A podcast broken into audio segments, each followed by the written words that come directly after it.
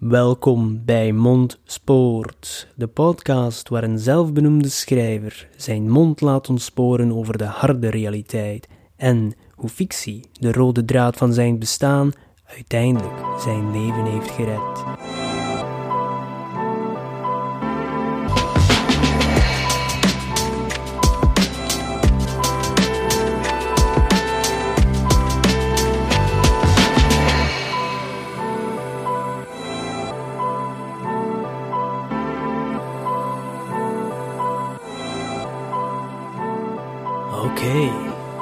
We zijn weer terug met een nieuwe aflevering van Mondspoort. En deze week hopelijk iets relaxter, want ik ga volledig freestylen. Enkele redenen daarvoor. Het voelt voor mij relaxter. Dan kan ik gewoon doen alsof ik tegen iemand praat. What have I got on my mind? De volgende reden is ik neem dit op op 15 maart. Uh, toen deze podcast begon, was het 6 december, maar jullie luisterden vooral naar aflevering van 1 september. Ik had er 10 in de bag, in de can, dus ik was even op mijn gemak. Dus ik moest er af en toe wel wat opnemen de laatste maanden, maar die waren dan meer verspreid. Die eerste, denk ik, stuk of 10 waren toch redelijk geconcentreerd in de spannen van een aantal weken of misschien een maand maar ja, zoals ik zei, we zijn nu 15 maart, tijd van opnemen. You know, dat is hoe het leven gaat. Uh, en ook de volgende reden. Het is vandaag mooi weer. Niet dat ik dan extra zin heb om op te nemen, maar ik neem dit op op mijn zolderkamer. En het heeft zoveel geregend de laatste tijd. Ik zit daar onder het dak, onder een Velux. Ik weet niet voor de Nederlandse luisteraars. Velux bestaat een dakkraam, zo'n schuin dakkraam. En als het regent, ja, is het onmogelijk om hier op te nemen, want het, het, het, uh, het lijkt wel uh, de ark van Noah, de zonsvloed. Die drie redenen dwingen mij een beetje om op te nemen, maar ik heb niet echt een topic in mind om over te praten. Maar ik ben arrogant genoeg dat ik van mezelf vind dat ik interessant genoeg ben. ik ga gewoon een kleine update geven over de projecten waar ik mee bezig ben en wat is next? Wat is het volgende na de Canon Travel trilogie? Ontwaakt is bijna uit. Komt uit op 18 april. Normaal zal deze podcast nog voor die tijd de wereld ingaan. En zoals bij alles uh, is altijd de vraag: hey, what's next? Wat is het volgende boek? Like, jeez, man. We zijn woensdag en dan heb ik een dagje vrij. Ik werk maar vier dagen per week. Eigenlijk sinds ik serieus beginnen worstelen ben met alcohol en dan iets er wou aan doen, heb ik de beslissing genomen om minder te gaan werken. Little did I know dat ik die dagen goed kon gebruiken om gewoon terug op te laden, want I got a lot going on. Traditiegewijs, de woensdag ga ik eerst om boodschappen. Dus dat heb ik nu al gedaan. Ik heb alles in de koelkast gezet, in de kast gezet. Allemaal mooi op zijn plaats. Ik ben degene die kookt in het gezin. En dan doe ik ook graag de boodschappen, omdat je, know, je moet dat allemaal inplannen dat plannen is het moeilijkste deel. Ik denk mensen die koken en boodschappen doen weten, of denk ik toch, dat effectief doen valt mee. Het is vooral dat plan. Wat gaan we vandaag weer eten? En die lust dan niet, en die lust dan niet. En, oh man. I'm preaching to the choir here. Dus dat heb ik gedaan, dus nu neem ik de podcast op. Op de dag dat ik zogezegd vrij ben, kan ik heel goed gebruiken om af en toe te schrijven, om YouTube-video's op te nemen, podcasts op te nemen, monteren.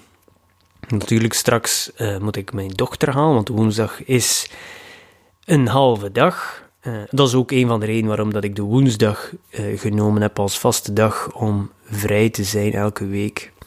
Om wat meer tijd te kunnen spenderen met de dochter.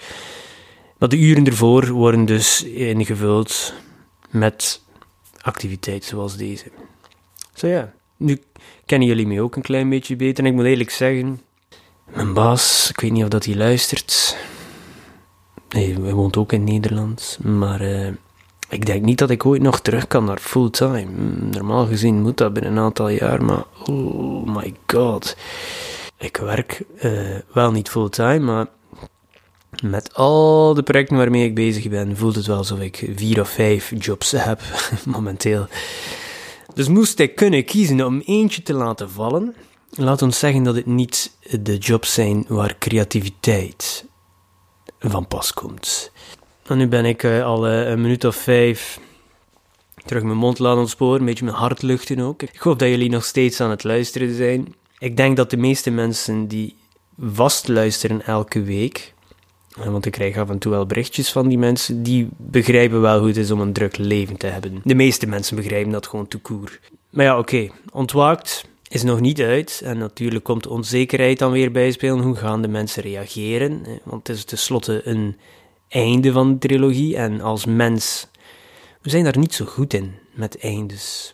En het is niet om mezelf in te dekken, maar dan denk ik, ja, hoe gaan ze reageren? Is dat dan op het einde van het boek zelf, of gewoon intern ook, ja, eindes? Het zit er allemaal aan te komen, mensen. Enjoy while it lasts. Ik heb al heel veel Engelstalige woorden gebruikt deze aflevering, maar dat is gewoon hoe ik denk. Ik moet mijn best doen om Nederlands te praten. Het is niet gemakkelijk. Waarom mensen luisteren naar deze podcast, ik zal dat nooit begrijpen. En dan het volgende boek, heb ik eigenlijk nog geen flauw idee wat dat zal worden. Ik denk wel dat het niet meer voor 2023 gaat zijn, maar zeg nooit nooit. Ik heb het net twee keer gezegd.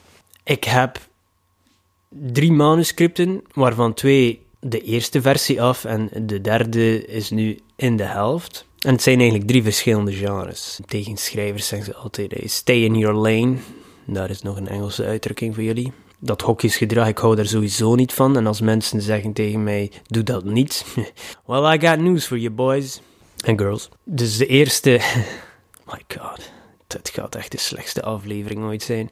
De eerste heb ik eigenlijk al vorig jaar geschreven in mei ergens. En dat is een urban fantasy. Dus een fantasy die in de hedendaagse wereld afspeelt in Oostende, mijn thuisstad. Dat is een project dat ik heel graag wilde schrijven, gewoon omdat het me cool leek om eens eh, magie te hebben in mijn thuisstad en gewoon los en zot te gaan met alle soorten magie en wezens en you know, gewoon los te laten op mijn thuisstad. Natuurlijk, ja, mensen verwachten misschien opnieuw een thriller en dat zal misschien moeilijker aan te prijzen zijn. De andere reden waarom ik het nog niet gereleased heb is, ja, zoals in vele fantasy, het is geen standalone. Het is, ja, ik begon te schrijven, ik wilde dat verhaal gewoon op zich laten staan. Dan op het einde had ik weer al 101 ideeën om gewoon verder te gaan met 1, 2, 3, 4, 5 boeken. Ik, ik weet het niet. Maar series, en dat is bij de Canon Travel serie niet anders. En ook bij vele series van de meeste auteurs, behalve als je J.K. Rowling bent en je hebt Harry Potter geschreven. Bij ieder boek in je serie die je released, verlies je ongeveer een derde van uw lezers. Dat is niet altijd zo maar heel veel wel. Ik weet dat er soms auteurs luisteren die een serie geschreven hebben. Het zou wel tof zijn moest je dat privé keer kunnen zeggen, of dat dat bij jullie ook zo is. Oké, niet erg. Ik ging, zoals ik al gezegd heb voordien, ik ging de Canon Travel trilogie publiceren. Zelfs al had ik geen enkele lezer. Gewoon om drie boeken, een trilogie op mijn eigen boekenrek te hebben. Het ging de duurste drie boeken ooit zijn, om ze te laten redigeren, een cover en zo, en dan te laten drukken. Maar ging ik sowieso doen. Ik heb het geluk gehad dat er voldoende interesse was en dat er veel mensen het eerste boek gekocht hebben, zodat ik de andere projecten kon financieren met de opbrengst van boek 1. Dus enorm dankbaar daarvoor. Maar je ziet wel ja, dat je in boek 2 minder lezers hebt en boek 3 oké, ja, het is nog niet uit. Ik heb nog niet alle cijfers, maar je ziet toch dat het minder snel gaat. Maar de mensen die het dan wel willen lezen, die zijn dan echt wel geïnteresseerd en die zijn echt wel mee in het verhaal. Dus dat is echt super om daarover te praten. Maar dat brengt me wel tot het idee om misschien mijn volgende boek niet meteen opnieuw in een serie te springen. Misschien moet ik eens één standalone verhaal hebben om te releasen als mensen mijn naam zien en zeggen: Ik wil wel iets lezen uh, van die gast, maar ik wil niet direct beginnen met een serie van drie boeken. Dan kan ik ze misschien leiden naar een boek die op zich staat, een verhaal die op zich staat. Dus ik denk niet dat uh, mijn Oostende verhaal, of het is dat ik het helemaal het einde herschrijf totdat het op zich staat en dan misschien, ja, dat kan natuurlijk, maar uh, I don't really want to. En dan heb ik een uh, tweede manuscript. En dat is een jeugdverhaal en dat is sci-fi.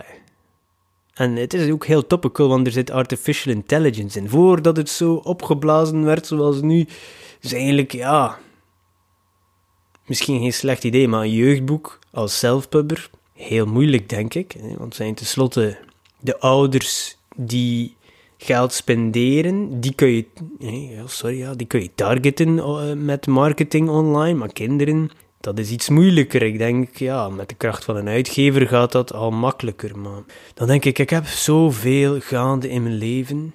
En ik weet, heel veel schrijvers willen doodgraag een uitgeven. En dat is ook heel lang mijn droom geweest. Maar ik heb zoveel andere projecten lopen, plus een job, dat ik niet weet dat ik nog meer verplichtingen aan kan. Want ik, ja, een uitgever doet iets voor je, dus ze verwachten daar wel wat voor terug. Maar ik weet niet of dat ik momenteel de mentale kracht heb om, om nog meer aan andermans verwachtingen te voldoen. Ik heb het wel graag dat ik toch een klein beetje mijn eigen schema kan bepalen als zelfpubber. En dat betekent dan misschien dat ik niet zoveel lezers zal bereiken als uh, mensen die wel de kracht van een uitgeverij achterin hebben, maar voorlopig ben ik daar tevreden mee. Maar dat kan veranderen, wie weet. Dus ja, en dat is wel een standalone met mogelijkheid tot uitbreiden. Dat kan je altijd. Ja, je stelt jezelf vragen wat zou er nog gebeuren met dat personage. En dan zit je al, oké, ik heb nu al genoeg materie voor een tweede boek. Maar het verhaal staat op zich. En dan ben ik begonnen aan een nieuwe thriller.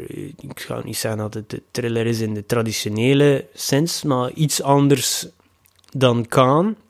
Een ander personage, anders perspectief. Dus dat ben ik nu aan het schrijven, zit ongeveer in de helft. En ik vind het wel leuk. Natuurlijk, het geeft niet die emotionele kracht zoals de Canon Travel trilogie. Misschien kan ik dat ook niet verwachten. Ik heb er al veel van mezelf in gestoken natuurlijk. Maar er zit actie in, er zit spanning in, er zit mysterie in. Dus ik vind het echt wel tof om te schrijven. Dus een eh, mogelijkheid is dat dat het volgende boek wordt. Ik zou ook graag kijken om de Canon Travel trilogie te vertalen naar het Engels. Ik heb heel veel familie in het Engels taalgebied.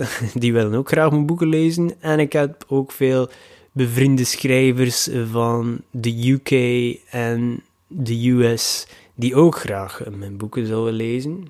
Ja, daarmee ga ik de investeringen natuurlijk niet uithalen, maar via Amazon kun je ook wel nog wat adverteren en zo, wat hier in de Nederlandse taalgebied niet mogelijk is. Eh, nog niet. Toch niet via Amazon, via Bol kan dat wel. Dus misschien kan je toch nog wat lezers vinden in dat taalgebied ook. En dat vind ik dan ook leuk aan, aan, aan Selfpub. Ja, oké, ik moet het zelf betalen, maar ik kan het zelf bepalen. Zelf betalen is zelf bepalen, toch grotendeels. Mijn Engels is, ik denk, ik denk vooral veel in het Engels. Ik spreek Engels sinds ik uh, of vijf, zes was, dus... Uh, ik kan het zelf vertalen met behulp van al de tools die er zijn. En dan kan ik dan naar een copy-editor sturen om ja, alle grammatica in orde te zetten en interpunctie en zo. En dan kan je dat gewoon ook releasen. Dan moet ik natuurlijk wel een beetje kijken. Dat is het enige waar ik nog schrik voor heb. Omdat het Engels taalgebied zijn de prijzen wat goedkoper. Voor mij geen probleem om dat iets goedkoper te zetten. Maar dan ben ik bang dat de Nederlandstalige lezen. Hé, hey, waarom is dat daar goedkoper? Ja, je moet ook een beetje de marktprijzen volgen, in mensen. Schrijven is een creatief beroep. Het is ook een business en zeker als zelfpubber. Ik heb ook een BTW-nummer, dus ik heb bepaalde verplichtingen en dan wil je ook wel bepaalde nummers halen. En ik onderneem graag en ik creëer graag. En die twee combineren is eigenlijk zelfpub, is eigenlijk bijna de logische optie als, als ik het nu zo zeg. Het zijn twee dingen die ik graag doe ja, je moet een beetje zelf verkopen. Veel auteurs doen dat niet graag. Dat is, ja, begrijpbaar. Ik heb daar minder problemen mee. Ik weet niet wat dat zegt over mezelf, maar, you know, it is what it is. Maar, ehm, ja, dus dat is een beetje de keuze waarvoor ik nu sta. Mensen verwachten natuurlijk iets anders maar toch een beetje hetzelfde. Als een schrijver volledig een 180 doet en zegt, wow, wat, doet die nu hier? En als hij volledig hetzelfde doet, dan is het ook niet goed. Dus ehm, ik denk met dat project waarmee ik nu bezig ben, dat ik daar een goede balans heb van, oké, het is in diezelfde richting, maar niet hetzelfde. Dus daarom denk ik dat dat het volgende project gaat worden. We zien wel hoe het verdere schrijfproces verloopt. Ik zal jullie zeker en vast daarvan op de hoogte houden als het zover is. Dus ja, dat is qua schrijven. Dan heb ik ja nog de podcast uiteraard. Ik zou heel graag een videoversie doen van de podcast. Eh, omdat mensen dan ook op YouTube kunnen kijken. En zo kan je ook wat sneller groeien. YouTube is de tweede grootste search engine van de wereld. Uh, Google de eerste en dat is al bij hetzelfde bedrijf. Dus ehm, ja, je kan iets sneller groeien. Je kan clips nemen uit je langere podcast om dan apart op je kanaal te zetten. Natuurlijk, dat komt met extra werk. Natuurlijk, ja, dan moet ik ook wel zorgen dat mijn haar iedere keer deftig gekamd is. En ik verspreek mezelf nogal vaak. En als ik dat monteer in de audiosoftware. Oké, je kan dat misschien wel horen dat het af en toe geklipt is. Maar op video kan je nog een keer extra zien dat mijn hoofd opeens eh, wat schever staat dan recht. Misschien moet ik eerst wat oefenen hoe, om uh, vlot te leren spreken voor ik overga naar video. Dus ik zou dat wel graag doen. Maar graag doen en is dat realistisch? Dat is nog wat anders natuurlijk. En dan mijn YouTube-kanaal. Ik ben daar ook een beetje gepivot in het soort content die ik online zet. Ik was een beetje begonnen. Hè. Ja, je bent schrijver, dus overal moet ik praten over boeken en schrijven. Ook weer dat stay in your lane, hokjesgedrag. En eigenlijk hou ik daar niet zo van. En ik weet ook niet of ik daar veel waarde kon bieden. Hè. Wie ben ik om schrijfadvies te geven? Ik kan wel mijn processen uitleggen en misschien hebben mensen daar iets aan, maar hoeveel keer kan je dat doen? Dat evolueert wel, maar ook niet om de vijf dagen. Uh, en dan deed ik ook wel wat boekrecensies, wat ik heel graag deed, maar ik recenseer dan ook alleen maar de boeken die ik graag lees, of die ik graag gelezen heb.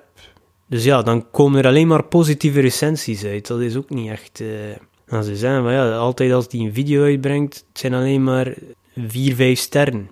Ja, want ik wil ook niemand anders afbreken. Dus, dan... dus ik wist niet wat, van waarde ik daarmee kon bieden. En dan dacht ik, ja, mijn podcast is een deel over zelfontwikkeling, productiviteit, mentale gezondheid, fysieke gezondheid.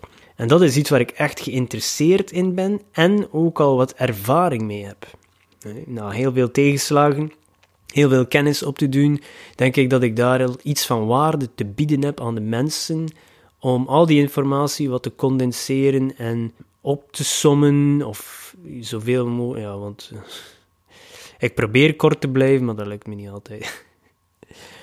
maar ik denk dat ik daar wel iets van waarde te bieden heb. En ik ben ook nog geïnteresseerd om daar zelf verder in te gaan en mijzelf nog meer te ontwikkelen de weg naar een beter mens zijn en die reis te delen met mensen. Ik denk dat er daar wel wat waarde in kan zitten. En ik denk dat ik daar voldoende content kan over maken, maar dat ik het ook graag genoeg ga blijven doen om dat te doen. En dat is iets dat ik nu al jaren mee bezig ben, alleen op mezelf. En nu kan ik dat delen met mensen. Dus ik denk ja, dat dat YouTube-kanaal gewoon iets apart wordt, die losstaat van het schrijven. Uiteraard, dat schrijven is deel van mij, zal vast en zeker nog aan bod komen, omdat er daar ook wel skills in zitten die je kan gebruiken in het dagelijks leven. Dat is iets waar ik wel ook wil focussen de rest van dit jaar, omdat ik denk van, oké ja, de trilogie is compleet, ik ga die nog promoten, en ik schrijf verder aan mijn manuscript, maar niemand weet wanneer dat komt, wat het is precies. Oké, jullie die luisteren weten al iets meer. Maar ik heb nergens geen verwachtingen meer. Hè. Mensen die de trilogie lezen, ah, waar is boek 2, waar is boek 3? Die vind ik dat ik ze verschuldigd ben. Hè. George R. R. Martin, als hij luistert. If you know, you know. Al uh, twaalf jaar wacht ik erop, zoals Sirius in uh, Harry Potter. I did my waiting. Twelve years of it. In Azkaban. Dus ja, eigenlijk ben ik een beetje vrij, zal ik zo zeggen, omdat ik nu eigenlijk al bepaald heb, denk ik, dat er de rest van het jaar geen boek meer uitkomt. Of zou moeten een vertaling zijn, wie weet. Dus dan kan ik gewoon rustig schrijven zonder verplichtingen. Als ik nu maar 2000 woorden schrijf per week in plaats van de gebruikelijke 4 à 5000, dan is dat niet zo erg. En dan kan ik misschien eens een videootje meer maken, omdat ik dat ook graag doe. Ik ben heel graag creatief bezig op verschillende manieren. Denk dat ik daar ook wat meer focus op ga leggen. Dat is waar ik ben, waar ik ongeveer naartoe wil. En voor de twee mensen die nog luisteren, uh, dag mama, dag schatje. Van die twee weet ik zeker dat ze nog luisteren. So, that is it, folks. That's all I have. Dat is alles die ik heb voor deze week. Het was een geïmproviseerde mondspoort. Als jullie vragen hebben voor mij, stuur ze naar mondspoort.gmail.com. Want ik ga binnenkort misschien ook een keer een, een Q&A-aflevering doen. Ik zal dat ook nog op mijn socials zetten om eens wat vragen te beantwoorden van lezers en luisteraars. En hopelijk zie ik jullie volgende week terug. En wees ondertussen niet te streng voor jezelf. Ciao.